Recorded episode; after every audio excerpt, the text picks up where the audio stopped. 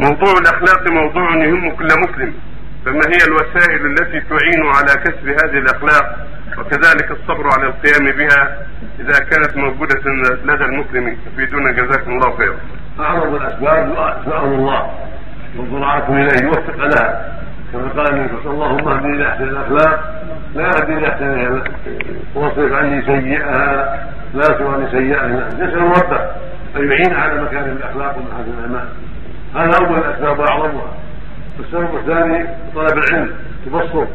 مع الأخلاق الكريمه مع الأخلاق السيئة الذميمه حتى يعتاد الأخلاق الكريمه وحتى يبتعد عن الأخلاق الذميمه السبب الثالث المخاضه للأخيار مصابة الأحياء والبعد عن الأشرار.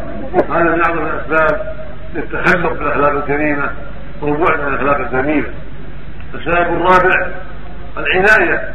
وجهاد النفس. لابد من جهاد وصبر. لابد يجاهد نفسه. على الخلق الكريم ويحذر بكل قوته وبكل نشاطه وبكل ما أعطاه الله من قوة الخلق الذميم هكذا المؤمن.